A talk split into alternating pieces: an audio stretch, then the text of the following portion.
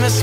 Vai, amb la música de Roger Pedrós, aquest aire del 2023, um, volem fer... És una tradició el pop-up, eh, que cada any... Uh, mira, no el veig la resta de l'any, però dic, has de venir sempre al principi d'any en David Tomàs, CEO de Cyberclick, a explicar-nos quines són les tendències del 2023. Hola, David, què tal? Hola, content de tornar a ser. No? Has arribat i dius, hola, mira, uh, ja ha passat un any més. No, clar, uh, cada any des de Cyberclick editeu un e-book amb les tendències digitals que s'esperen pels pròxims mesos. N'hi ha unes 290, està fet de forma molt, diríem, molt ràpida i també argumentada, i ara us farem un link, una, us farem un tuit des del compte del pop-up on podeu doncs, obtenir, perquè ho feu això de forma gratuïta i solidària, diríem, eh? Sí, no, hi dediquem moltes hores, però vaja, al final és, eh, com que fem molta investigació, doncs ens agrada compartir-ho, no? perquè al final aquest sector és tan nou, bueno, tu vius cada dia, no? Sí. que canvia tan ràpid que està bé doncs, parar, recollir novetats, tendències i compartir-ho amb tothom. Mm, per tant, tots aquells que us dediqueu no, a la comunicació, al tema digital, està bé que podeu veure totes aquestes pautes que nosaltres ara farem aquí, una cosa resumida de forma senzilla, um, perquè, per exemple, si anem a les xarxes socials i els punts que dieu que hi haurà a les xarxes socials, eh, els de l'última hora aquesta setmana parlaven dels 30 anys dels SMS, i vosaltres ho dieu com a tendència 2023, que els SMS seran per comunicar amb els clients, no? Sí, amb, amb xarxes socials jo crec que comunicació de clients hi ha dues tendències. Un, l'SMS, que la gent li fa molt de cas i les empreses potser va haver-hi un moment fa anys que li van donar molta importància i ara tornaran a, a fer-ho servir doncs, per donar millor servei, per avisar-te, per fer-te recordatoris. I l'altre és el WhatsApp. Aquest any veurem una tendència enorme amb empreses que fan servir el WhatsApp per comunicar-se amb tu, que fins ara, bueno, algunes ho feien servir, però poques, i veurem com es generalitzarà. Pràcticament totes les empreses tindran un servei de WhatsApp, tant per eh, informar-te com per passar-te, uh -huh. doncs això, ofertes, propostes, i que interactuïs amb elles. També apunteu comunitats més íntimes com eh, amb Slack, amb Discord, amb Telegram, no? O, o Detox Digital, que això m'ha sorprès.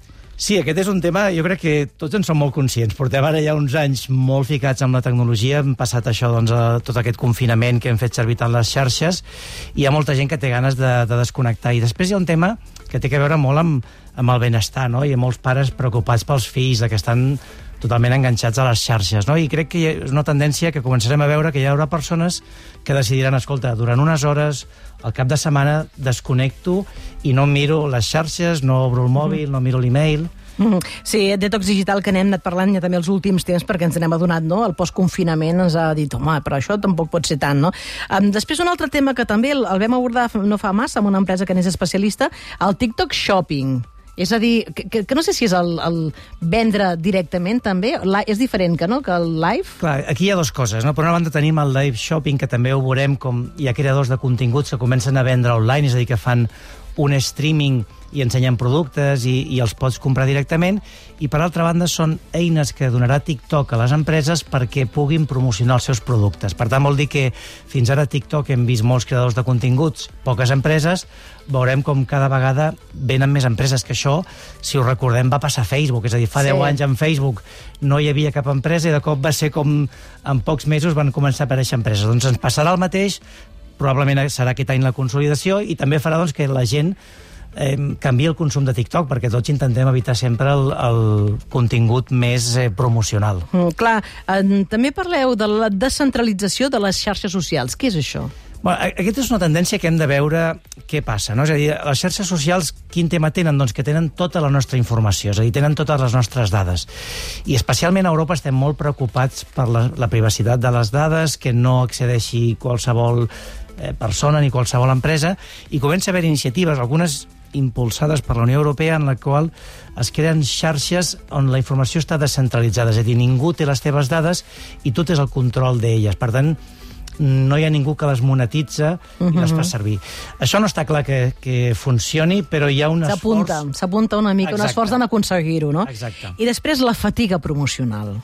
Sí, aquest és el tema que, que va una mica amb, la, amb el que deia abans de TikTok, no? És a dir, al final, les marques, quin és el seu objectiu? Doncs aconseguir l'atenció de les persones. On, on estem les persones majoritàriament? Doncs estem a les xarxes socials, estem a YouTube, estem a les plataformes de, de streaming, i per tant, moltes empreses s'hi han posat i ho han fet des d'un punt de vista, anem a dir, analògic. És a dir, han anat, igual que hem fet doncs, tradicionalment a la, a la ràdio o a la televisió, uh -huh. doncs on tenies molt poquet temps per explicar un missatge i feies una campanya molt promocional. No? Escolta, tinc aquest cotxe amb aquesta oferta fins a final de mes, no? això estem cansats de sentir-ho.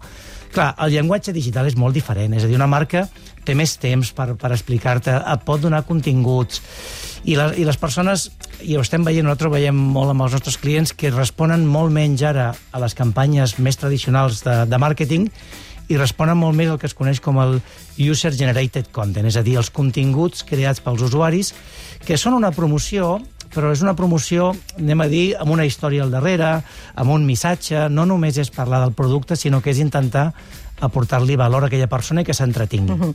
Clar, entre les, diríem, les claus principals, no?, hi ha, evidentment, eh, has parlat moltes vegades, ha sortit la paraula TikTok, però és evident que estem en el moment TikTok, on tothom vol ser a TikTok, moltes marques volen ser, i vosaltres dieu, eh, en, com a tendència 2023, és la consolidació de TikTok, els vídeos curts i també TikTok com a cercador, no?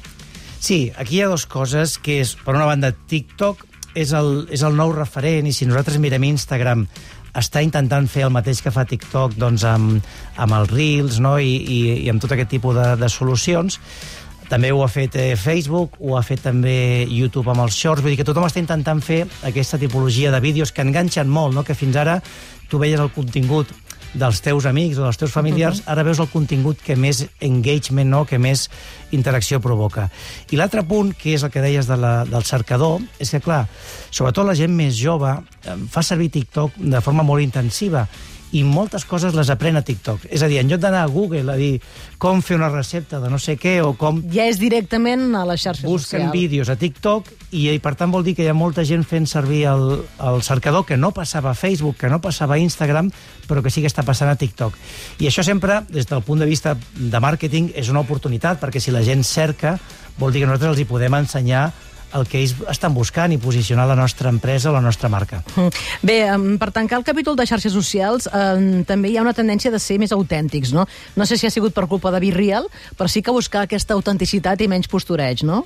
Sí, totalment. Virreal té, té molt a veure, no? i la, el seu creixement, jo crec que és una mica el cansanci de, sobretot, el que s'ha donat a Instagram, no? Doncs em sembla que teníem un món perfecte, no? I segur que a vegades et passa, no? Jo m'he trobat amb influencers que veus les seves eh, últimes fotografies i dius, ostres, quina vida de luxe, i parles amb ells i aquella setmana ha estat miserable per ells, no? I, i per tant, això la gent ho percep. TikTok va ser el primer on, on era més proper, on molta gent es mostrava doncs, tal com era, i Be Real ja és com, escolta, si avui estic sentat a casa al sofà mirant sí, però la tele... Sí, diem que gent que fa postureig a Be Real, que això és ja la conya clar. de la conya. O sigui, o sigui, no, no, no. No, això també passarà, clar, sí. però bueno, intenta, intenta ser, uh -huh. ser més autèntic, però és veritat que això va amb les persones, no? Hi haurà gent que diu, ostres, jo ja estic cansat i, i vull ser més real, que és el que, el que estem veient com a Generalitat, però hi haurà gent que seguirà, no, jo vull mostrar la imatge perfecta, amb els cabells perfectament pentinats i perfectament vestit. Mm. Bé, i, i altra, una altra cosa que volia apuntar, hi ha moltes més coses, eh, en això que us podeu descarregar de forma gratuïta, vull dir que hi ha moltes coses,